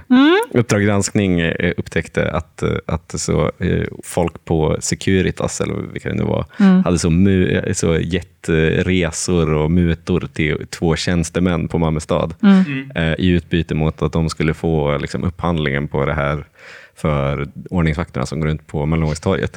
Eh, Det bästa med den skandalen var ju, för Uppdrag granskning gör den så, så shit fan vad sjukt att eh, två tjänstemän har blivit mutade och sen går upphandlingen igenom.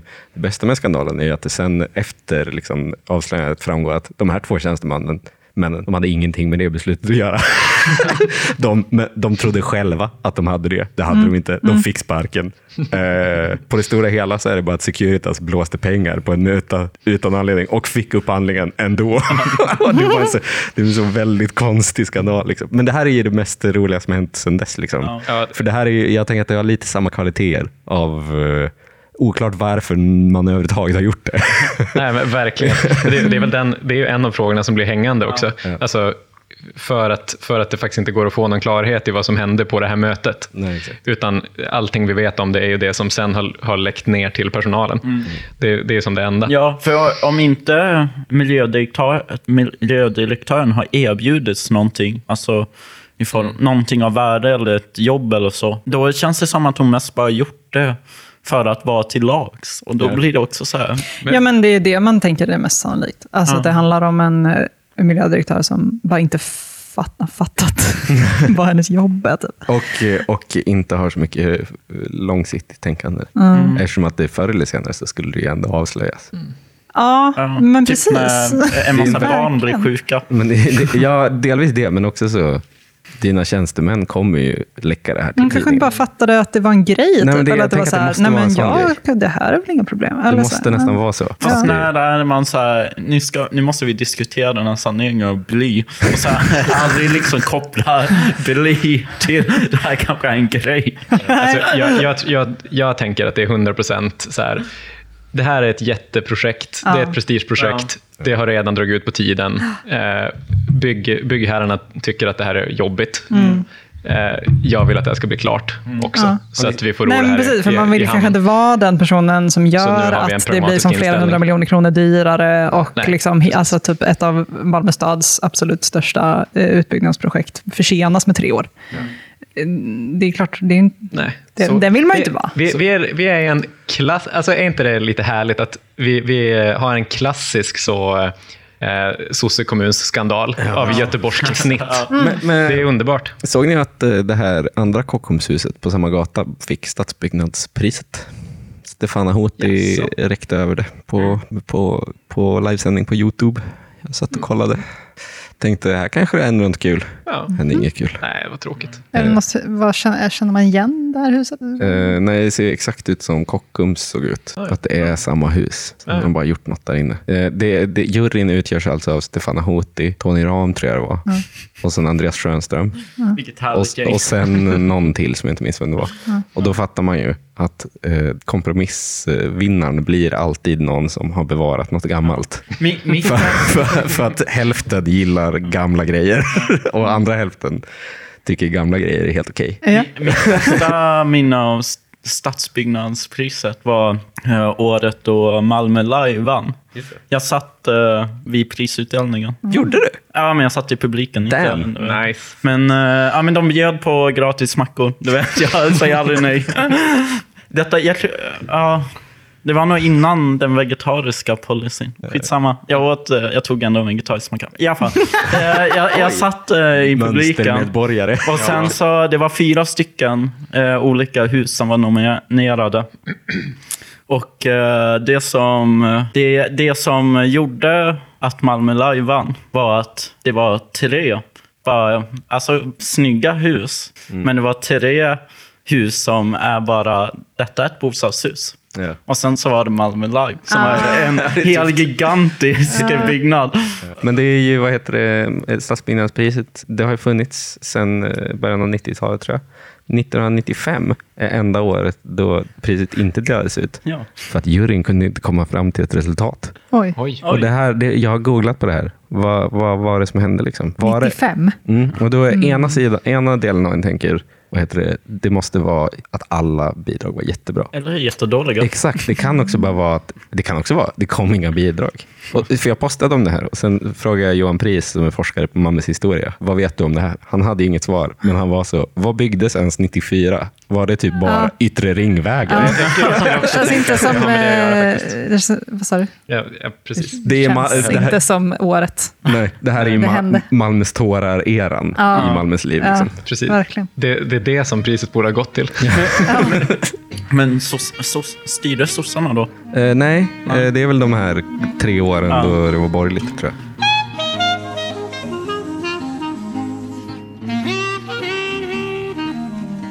Jag har typ tre tillbaka. saker till att prata om. Oj! Oj! Nej men gud. Eh, men de, de går snabbt. Ja, Kör, kör, kör. Eh, Jag har ju också en jag har ju, jag, i- I dagarna, två höll jag på att säga, eh, så har jag I tittat, dagarna två. ja, så, så har jag tittat lite på Moderaternas partistämma. Och eh, bara för att koppla tillbaka till det med eh, ordningsvakter på Möllan. Mm. De, eh, de eh, har Kommunpoliser? har, har försökt driva om kommunpoliser. Sen så har de inte eh, kommit riktigt hela vägen eftersom det finns en massa olika juridiska knepigheter kring kommunpoliser. så nu har de bildat en arbetsgrupp. Och att typ polisen inte vill ha dem. Och sånt Ja, saker. och du vet att man ska ta riktiga poliser till att göra hittepå-jobb. Alltså ursäkta mig, nu vill jag inte, jag vill inte bryta för mycket med din lightning round här, men alltså Fan vad konstigt det är att Moderaterna vill ha kommunpoliser när de samtidigt vill ha jättemånga riktiga poliser. Ja, och det- och det- alla är överens om att det inte finns Ja, men jag så tror många det är riktiga en poliser. sån där härlig stat och kom, kommunkonflikt inom Moderaterna. Ja. Där alla, alla som är liksom på kommunnivån vill ha kommunpoliser. Alla, alla de som är i riksdagen De så vill bara vara, de vill vara, liksom, de vill vara sin egna lilla regering. Liksom. Ja, Småpåve, småpåvedrömmen. Den, Liksom. den Ja. feodala tendensen. och, de, och, och det är väl också lite så här en amerikanisering. Ja. De vill liksom att det får mer vara en delstat än en kommun. Ja. En grej man saknar i amerikaniseringen det är ju att man ska få välja sin sheriff. Det får de ju göra i USA. Mm. Det, hade ju varit fett ifall Ja. de ändå införde Om det blev. Juan Havanna, Ja. exempelvis, som jag tror det hade blivit i Malmö. Men, eh, men sen ett annan eh, förslag som eh, det har pratats mycket om på den här partistämman, det är ju att de vill reformera miljöbalken i grunden. Och nu kanske ni alla bara säger, jaha, miljöbalken. Det stämmer. Uh, vad, varför ska jag bry mig? Jo, dels för det vi pratade om nyligen med vallstaden. Den är väldigt, väldigt viktig, den här lagen. Men det finns också en annan del i miljöbalken som är strandskydd. Ja. Och jag har ändå märkt en tendens i olika artiklar i, i Sydsvenskan. Och det är att det inte finns en respekt längre för eh, strandskyddet. Nej. Det var dels ett fall eh, för några månader sedan här i Skåne där eh, det var någon som blev fälld för brott mot strandskyddet. För de hade byggt en altan som eh, täckte en stor del av liksom, det strandskyddsområdet. Ja. Och det det är fängelse på straffskalan. De, åkte bara på, de åkte bara på böter. Ja. Men, Vi ehm, ska vara jävligt glada för det. Alltså. ja, verkligen. Är det här vårt lag och, typ lag och ordning-avsnitt? Exakt. Där vi bara vill att folk ska följa regler? För också, liksom, vad heter det? Allmän... Allmän... Allemansrätten. Allemansrätten, tackar. Den, är, den regleras också i miljöbalken. Alltså, det finns mycket skäl till varför vi inte ska förändra miljöbalken. Och jag skulle kunna ha ett helt avsnitt om miljöbalken, men jag tänker inte ha det. Men det, det, det, eh, eh, vad heter det, strandskyddet är ju också, det roligaste jag vet om strandskyddet, det var ju när Centerpartiet började snacka om att eh, vi, när, när de var med och styrde förra regeringen, att de var så, vi ska kanske pill, in och pilla på liksom, marknadshyra, eller så pillar vi på strandskyddet. Just Man bara höll tummarna på att det skulle bli strandskyddet. Ja, absolut. men, men deras case för varför, varför strandskyddet är så viktigt att få bort, det var ju just det här med, det finns i Norrbotten så finns det så jävla mycket sjöar. Tänk vad mycket sommar, sommarstugor man kan bygga där. Nej. För, för, liksom, för rika människor i hela landet. Rika och övre medelklassen. Och det är bara som att de aldrig varit i Norrbotten Nej. och aldrig Nej. har sett en norrbottnisk sjö. Nej. Alltså, så, ja, det är klart att svensk medelklass och överklass ska bo i det här mygghelvetet i tre månader. Alltså, det är verkligen kanske Och den värsta platsen på jorden. Och, och att, att när de gör det så kan de inte ha, de kan inte få ha 50 meter till vattnet. Nej. De, de måste ju ha 20. Ja, men så, hade det varit jag så hade jag gärna hållit mig på så långt avstånd som möjligt från norrbottniska sjöar på sommaren.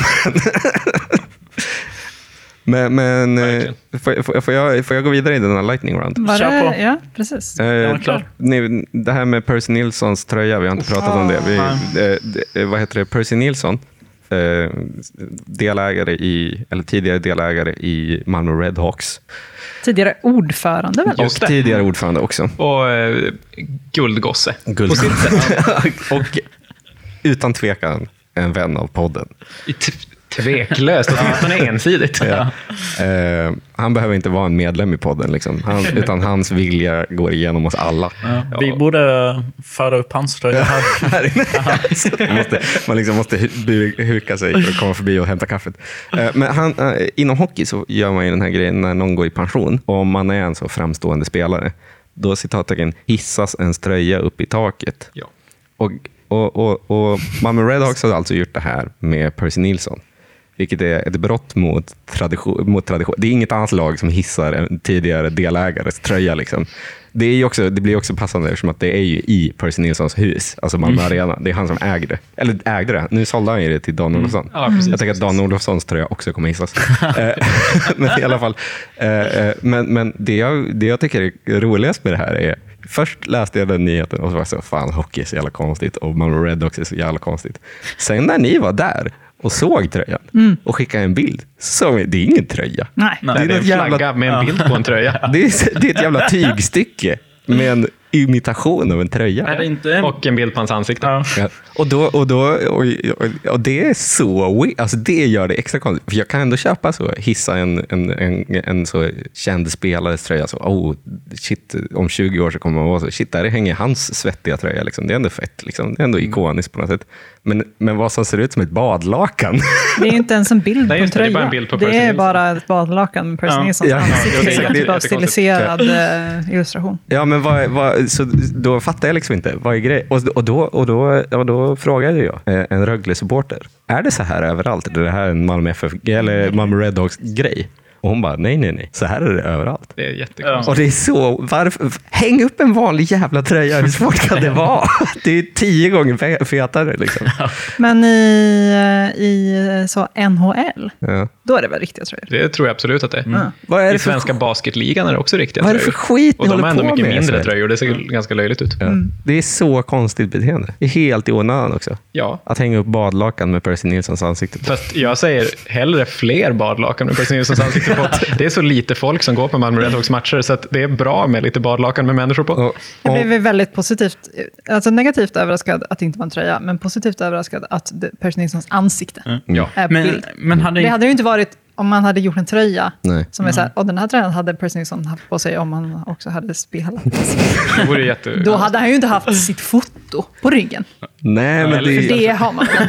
Istället för det är lite... Så på det sättet kommer man ju runt problemet med att kunna få upp Ja. Percys ansikte. Ja. Men det är också, så, det är också en liten så här konstig grej just det här med ansikte, för det signalerar ju att, att eh, det som, jag menar folk är så här, vem är Nilsson? Om det bara hade varit en tröja där det stod Nilsson, så då så måste de Mm. trycka på hans ansikte för folk ska som koppla Men bara att det är Percy Nilsson. Och, bara så att, bara så att ni vet, Rögles eh, eh, eh, badlakan, Mm. det är inget ansikte på dem.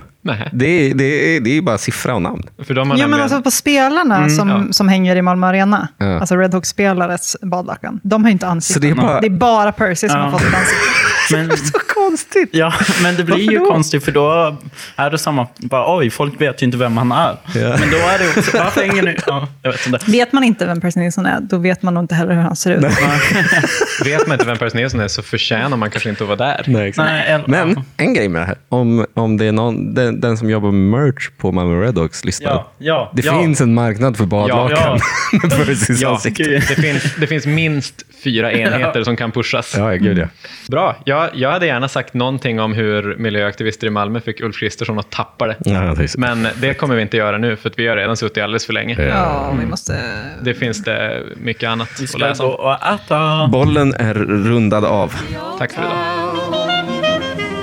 Dirty old town. Och härmed så säger jag bye bye. Och jag tittar på Karin, för jag tror att Karin har en bättre ingång till det. Jag tittar efter min snusdosa. Jag har en snusdosa. Tack. Det, är, det är som en sån westernfilm pågår här. Med mycket ögon åt olika håll. det är som slutet på den gode, den onde, den fule mellan dig, mig och snusdosan. Om den onde, den gode, den fula handlade om vem som pallar prata om allmännyttan. Är det snusdosan som gör det? Snusdosan Nu sitter jag alltså med snusdosan som en sån liten muppdocka, eller strumpdocka typ. Jag har liksom den lite halvöppen Ja. i båda händerna. Oj, det, jag har och så aldrig gjort det. klapprar jag.